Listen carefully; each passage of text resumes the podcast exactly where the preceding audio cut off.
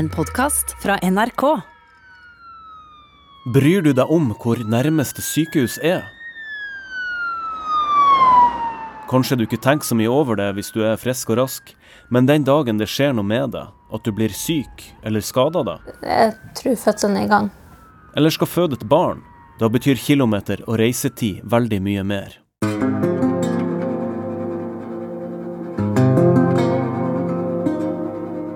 Dette er tredje episode av Exit bygda, og den handler om sykehusene og hvor viktig nærhet til helsehjelp er i kampen mot forfall og fraflytting.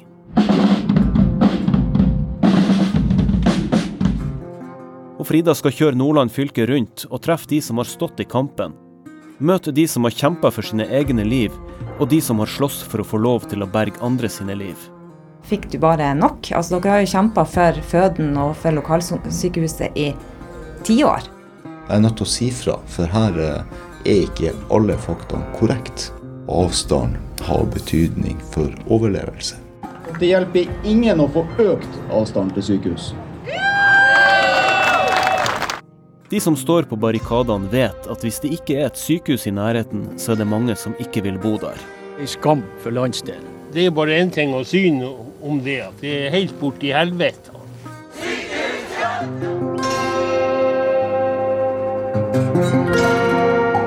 Jeg fikk ikke med meg at hun ga munn til munn. Anette Rishaug fra Mosjøen har ikke fødeavdeling i byen sin. Sykebil og helikopter måtte til for å redde hennes første barn. Og det ble enda mer dramatisk da unge nummer to ville ut. Norge trenger flere barn.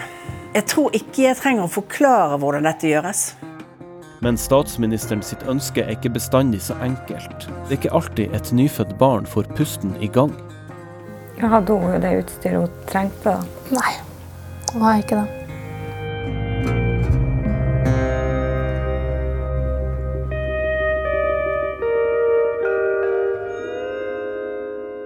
En baby vet ikke hva klokka er når den vil ut. Det er midt på natta i Mosjøen på Helgeland. En ambulanse har akkurat nådd frem til Anette Rishaug og Lars Anders Nerlis. De bor i en by med 10 000 innbyggere, men Anette kan likevel ikke føde på et sykehus her med jordmødre og barneleger rundt seg. Jeg er jo født og oppvokst her. Og det har jo vært en fødeavdeling på sykehuset her, men vi mista den. Fødeavdelinga ble lagt ned tidlig på 2000-tallet, og for fem år siden var det også slutt på den lille fødestua her. Det betyr at Anette og Lars må til Sandnessjøen, en times kjøring nordover og vestover.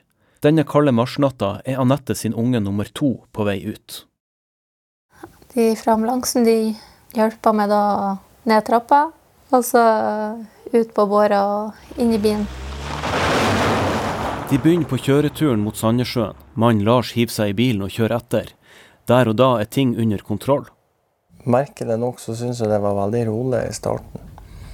For sånn, eh, ikke direkte vært bekymra for eh, fødsler direkte, så å ligge bak ambulansen gikk egentlig veldig greit. Men bak i ambulansen er ikke alt sånn som det skal være. Og Anette ligger spent fast og aner ikke hvor langt de har igjen til sykehuset. Men man havner liksom i en sånn boble, så jeg har ikke peiling på hvor langt vi var kommet, eller noen ting. Fødselen nærmer seg. Det er ei jordmor på vakt i Sandnessjøen. Kanskje hun kan komme dem i møte. Hvis at ambulansen rykker ut, og de vurderer det sånn at de har behov for jordmor, så må de ringe fødeavdelingen eh, og spørre om at vi har mulighet til å komme i møte med de. Eh, og av og til så kan vi det, og av og til så kan vi ikke det. Jordmor Maria Elvetun må ta en avgjørelse på nattevakta si.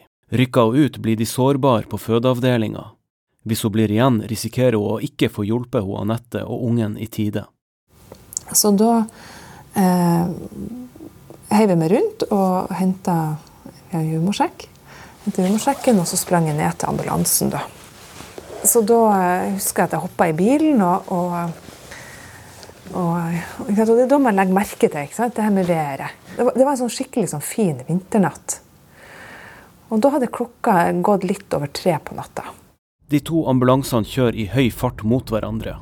Jordmora får rapport om at lille Tiril er på vei ut. De møtes utafor Toventunnelen øst for Sandnessjøen. Jordmora kom jo inn i bilen eh, og undersøkte meg. Og da er liksom den vurderinga når du er ute. Eh, skal man vente litt, stå i ro der og vente litt? Eller skal vi ta sjansen på å begynne å kjøre? Man, man går jo noen runder med seg sjøl og tenker ok, vi, vi tar sjansen på å kjøre. Det er en halvtime til sykehuset. Og jeg satt jo helt nært Anette. Jeg satt og kjente henne på magen. Og på en måte, ja, og liksom Ja, nå, du jobber kjempebra. Det her går så fint. Du er kjempeflink. Og så sa hun at jeg måtte si ifra når vannet gikk. Så kommer vi på Helgelandsbrua. Vi var ambulanse 1. Vi kjørte fremst. Så hadde vi ambulanse 2 bakom. Og så hadde vi far helt bakerst i privatbil. De er fem minutter fra målet. Hun Anette merker at vannet går, og fødselen er i gang midt på ei bru som er over en kilometer lang. Og jeg sa ifra, og hun ropa 'stopp inn'. Jeg var ikke klar over at vannet da gikk midt på Sandnessjøbrua. Og da kom de ut og sa at nå var fødselen, nå kunne ikke kjøre lenger, for nå var fødselen på tur å starte. Og da er det noe, blir det jo litt mer ja, spennende når fødselen starter, for han er jo i gang når det kommer inn. Eh, og vi hadde god tid. Altså man, det var jo bare å vente på at, at den lille babyen skulle bli født. Og det var Stemninga var så bra.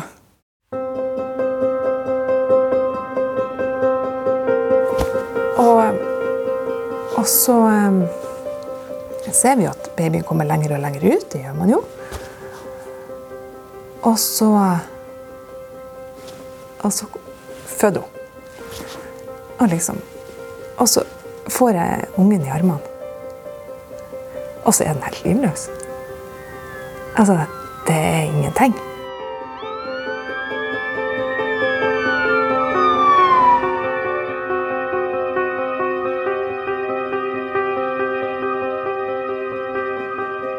Hva de tenker sjøl om at det er såpass langt da, til sykehuset når det står om sekunder?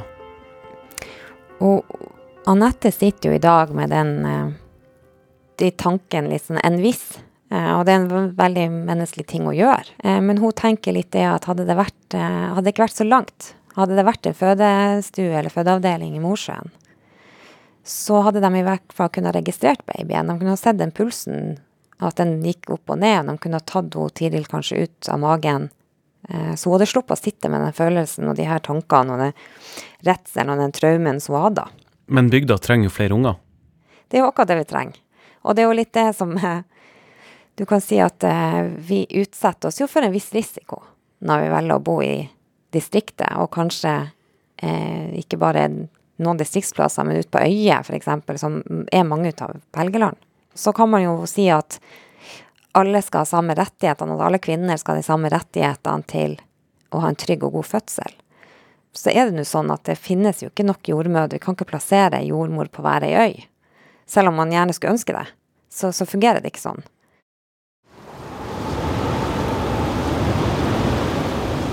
Det kan bli vær som gjør livreddende arbeid vanskelig. Fartøy som frakter folk i nød i lufta og på havet, blir satt ut av spill. Alt tar lengre tid i distriktene da. Tid som de skadde kanskje ikke har. Sverre Håkon Evju er lege og kommer på vakt som vanlig i Narvik, lengst nord i Nordland. Humøret hans er ikke noe bedre enn været. Han har fått beskjeden fra helseministeren som han har frykta. Narvik risikerer å miste akuttberedskapen på sykehuset. De kan bli hjelpeløse hvis folk kommer inn med alvorlige skader. Men denne dagen er starten på en redningsaksjon. Tilfeldigvis. Tilfeldig var det en dag der eh, jeg og min gode kollega anestesilege Jon Harr og jeg Uh, jeg var på legevakta, han var inne på sykehus, og så var det en av de her dagene som vi både hadde, har og kommer til å få i vår landsdel, med så dårlig vær at eh, ambulansehelikopter ikke kunne fly. Det har skjedd ei bilulykke i Bjerkvik, en halvtimes kjøring nord for Narvik. Det er flere involverte som må kjøres inn til sykehuset. Det var større skader, det var sannsynligvis alvorlige blødninger. Og vi fikk den til Norvik, den ble stabilisert. Og i den anledning med det her som var presentert om at dette tilbudet skulle kanskje ikke Narvik ha inn i fremtida, så glapp det ut at et, et, spørsmål om det var sånn at vi faktisk blødde saktere i, i vår landsdel, siden vi da sannsynligvis skulle tåle en mye lengre transport enn det som normalt var. Han kjenner at han må gjøre noe, må kjempe for at folk i distriktene skal få den livsviktige hjelpa de trenger når ulykkene skjer, så raskt som mulig. Han vil stå imot nedleggingstruslene som kommer sørfra. Fikk du bare nok? Ja, For min del ble det i hvert fall veldig sånn tydelig konkretisert. Nå var det virkelig sånn at man eh, hadde vurdert å ordentlig dra til skruen. Nesten som jeg er nødt til å, nødt til å si fra, for her eh, er ikke alle faktaene korrekt. Det var egentlig sånn inngangsporten til det hele. Det her blir starten på en kampanje han enda ikke ser betydninga av. Han skriver et brev til helseministeren. Man skal kalle et opplysningsark til, til helseminister Høie. I brevet spør han helseministeren om vi blør saktere i nord. Tegneren i den lokale avisa plukka opp sitatet hans og laga en logo som blir trykt på ei T-skjorte. Det er bilde av en bloddråpe med en plasterlapp på, og med den røde dråpen på brystet drar han og møter helseministeren utafor Stortinget. Så helseminister Høie, du er sjefen. Åpne øynene. Se. Ta ansvar. Det hjelper ingen å få økt avstand til sykehus.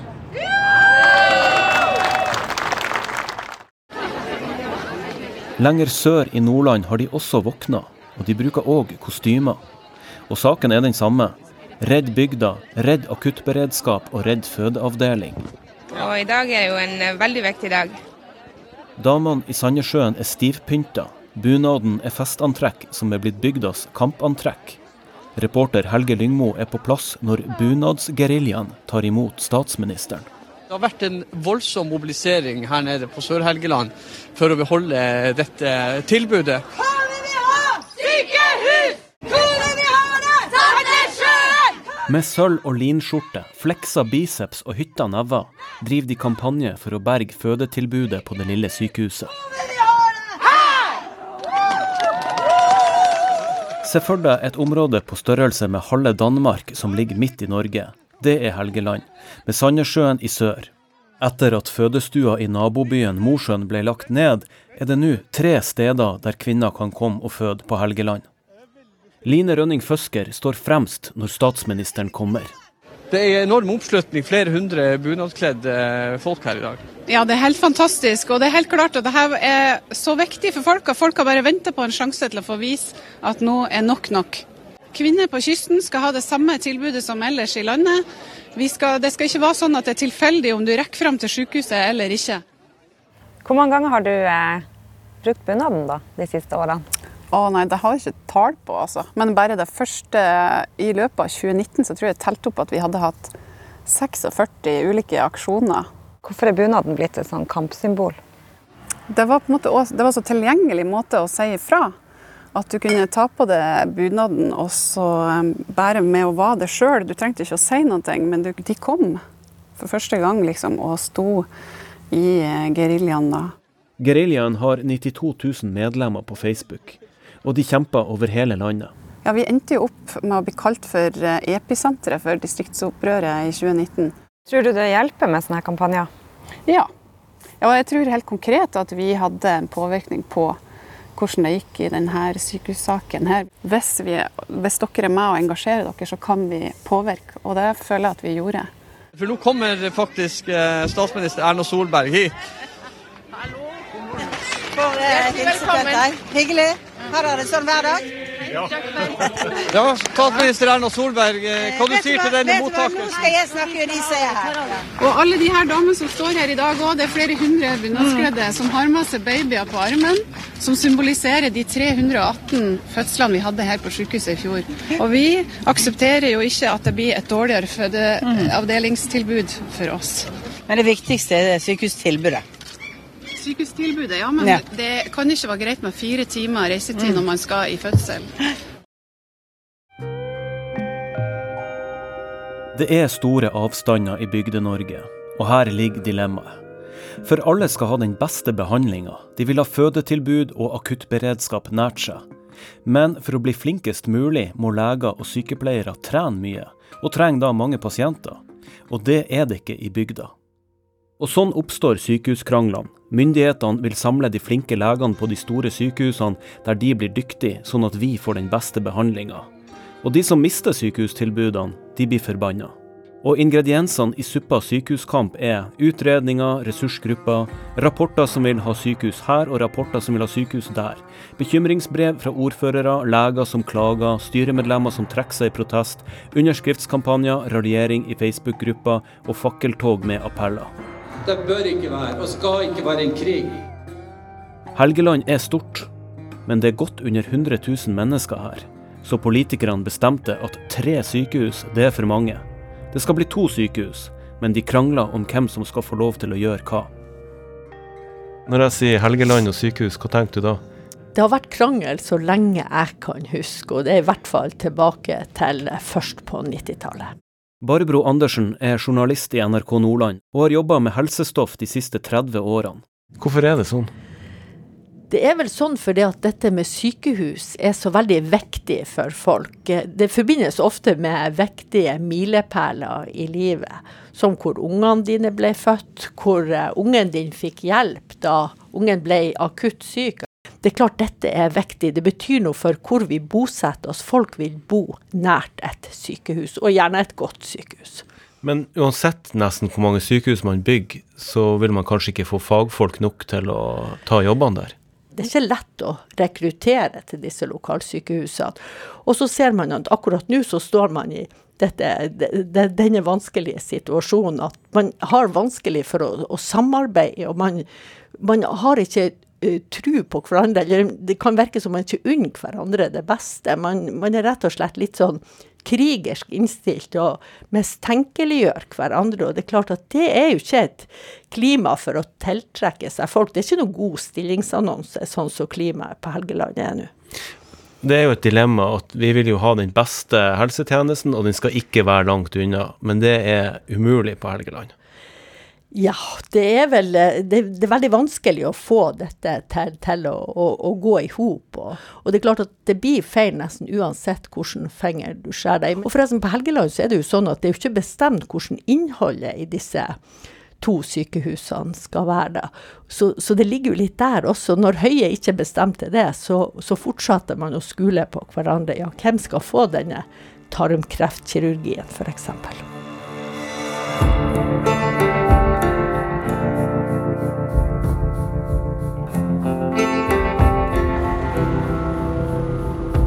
Fødeavdelinga i Sandnessjøen, dit ambulansen er på vei, er redda. Kampen til bunadsgeriljaen har kanskje hjulpet. Fem minutter fra målet, men de nådde ikke frem. Ambulansefolkene, mor og far og jordmor Maria Elvetun har stoppa i ei busslomme. Og jeg så jo med en gang at jeg fikk ungen, ungen i hendene, at det her er noe vi ikke vil ha i transport. Her er det ingen knapp å trykke på for å få et helt team. Her har vi kun basic å hjelpe oss med. Den nedlagte fødestua i Mosjøen er bare få minutter fra hjemmet til mamma Anette og pappa Lars, men den røyk før geriljaen fikk på seg kampantrekket. Kanskje kunne knuten på navlestrengen mellom mor og datter blitt oppdaga der før. Kanskje ikke. Og kanskje de ikke oppdaga noe. Det vet man jo ikke. Det kan, når det har skjedd, det får vi aldri svar på. Um, det skal ikke være mer utrygt å bo i distriktene enn det er i en storby. Og da må vi styrke de tjenestene som trygger folk ute i distriktene. Vi må ha gode systemer på å fange opp de som trenger ekstra oppfølging. Jeg skjønner at gravide i distriktene er bekymra av og til for reiseveien. Det kan jeg forstå. Jeg ser du har bunadsgeriljabilder bak her. Tror du den kampanjen har vært med på at eh, beholdt i fødeavdelingen, som, eller i hvert fall her i Sandnessjøen? Altså, jeg jeg syns den jobben de gjør, er veldig bra. Og klart det må jo være fødeavdelinger der folkene bor. Jeg syns det fokuset som bunadsgeriljaen har, er veldig bra. Jeg er veldig takknemlig for den jobben de gjør.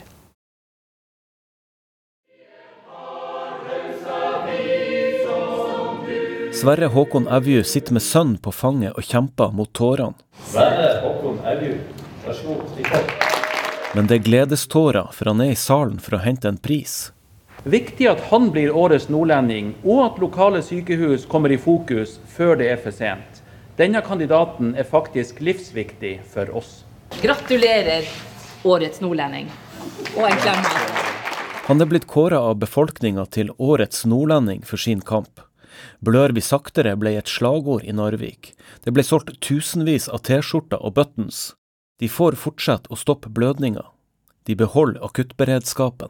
Det var jo særdeles uventa og, eh, og, en eh, oppmerksomhet som jeg, som jeg løfter langt over meg, meg sjøl. Og, og, egentlig så føler jeg vel at det var egentlig Nordland befolkning sin. Det var de som hadde nærhet til sykehusene som, som, egentlig, eh, som egentlig fikk den tittelen.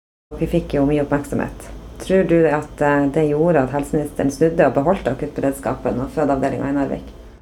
Jeg tror ikke den alene gjorde det, det tror jeg ikke. Eh, for det var veldig mange andre som bidro òg. Men at den, at den hadde innvirkning på det hele, og, og en av bidragene til at vi landa der vi landa, det tror jeg. Eh, det, det, håper jeg i hvert fall.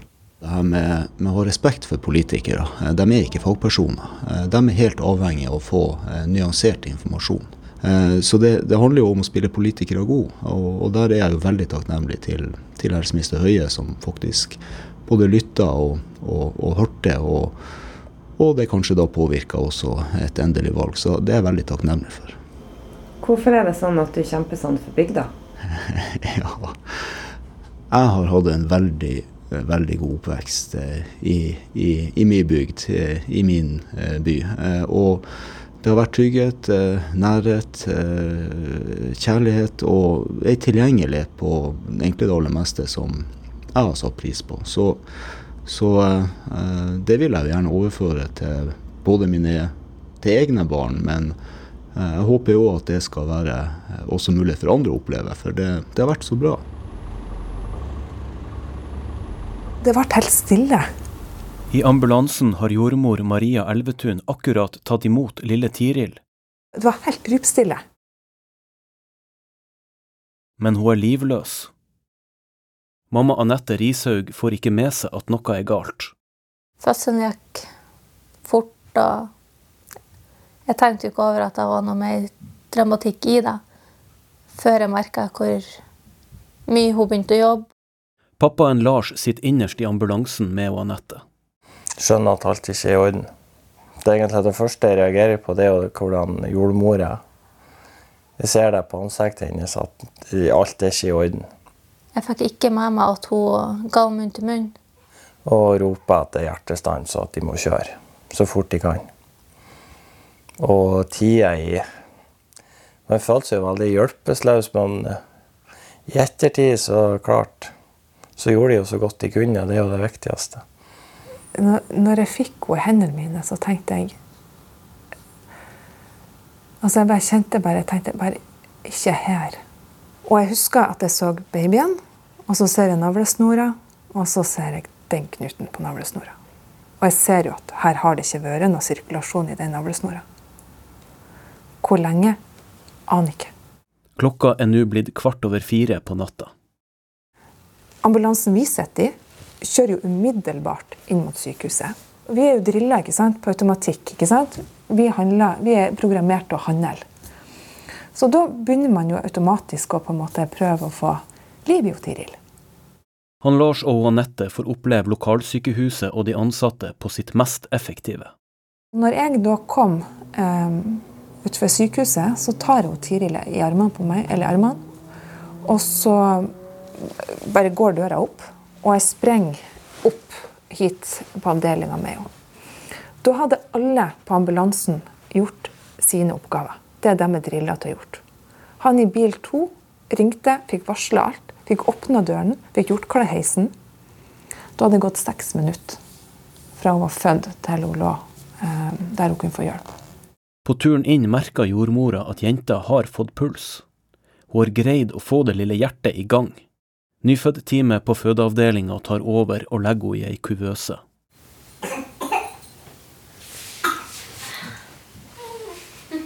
Hvordan har hun det i dag? I dag er hun nysgjerrig på storesøstera. Smiler når hun hører henne snakke. Artig å se det i lag. Og det er ingenting som tyder på at hun har tatt noe skade av det her nå? Nei. Nå ser hun ut som ei frisk jente. Vil du tørre å få flere unger så lenge du bor i Mosjøen? Sånn for tidlig sin del så var det jo spørsmål om liv. Hadde vært lenger unna, så har jeg antageligvis ikke vært tobarnsmor nå. Det er et mirakel at det gikk så bra. Og jeg kommer aldri noensinne til å glemme 1. mars kvart over fire.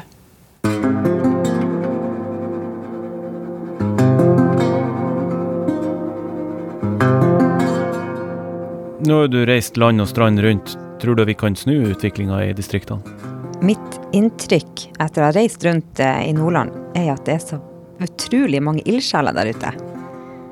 Eh, og jeg tror at eh, den ildsjel- og dugnadskulturen vi nordmenn har i ryggmargen, så kanskje vi klarer å holde liv i bygda.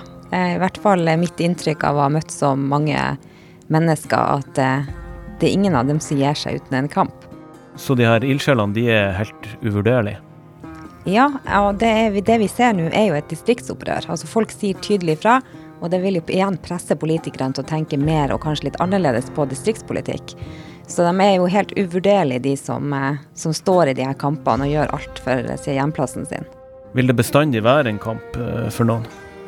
For noen vil det nok bestandig være en kamp. Det som er litt interessant også, som jeg legger merke til når man er ute og reiser og prater med folk, det er at det blir en sånn kamp innad i bygda hvem som skal få de arbeidsplassene av den ene og den andre sida, hvem som skal få sykehuset på en eller andre sida. Og det er òg en sånn interessant å se at det er ikke bare opp mot makta vi blir sint, men også på hverandre. Det var jævla nært, men det gikk bra. Og så kan man jo alltid tenke sånn om at hvis at man Man skal jaggu ha flaks at det ble som det ble. Det skal ikke være mer utrygt å bo i distriktene enn det er i en storby. Det må være et mål om å alltid prøve å gjøre det beste ut av det. Og jeg tenker når man skal vise frem eh, til eh, andre, om det er hvor du er i verden eller hvor du er i ellers, og skal vise frem Norge, så viser du jo gjerne frem naturbilder. Du viser frem midnattssola som spiller speiler seg over Lofoten, eller nordlyset som spiller over den arktiske himmelen med skiløpere i Norgefjellet som hopper ut i havet. Det er unikt, det er helt spesielt. Men skal du kunne ivareta det tilbudet, skal du ivareta naturen, de her opplevelsene, så må det også legges til rette for at folk skal bo på de her stedene, så du kan fortsette å, å tilby det her helt unike.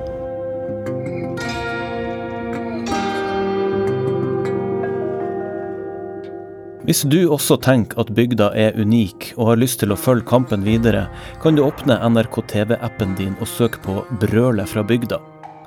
Denne serien er en idé av Frida Brembo. Hun har jobba sammen med meg, Ola Helnes, som har stått for redigeringa. Kjetil Saugestad har vært rådgiver, og Vibeke Madsen er redaktør. Klikk deg også gjerne inn i NRK radioappen. Der er jeg sikker på at du finner din neste podkast. Vi høres.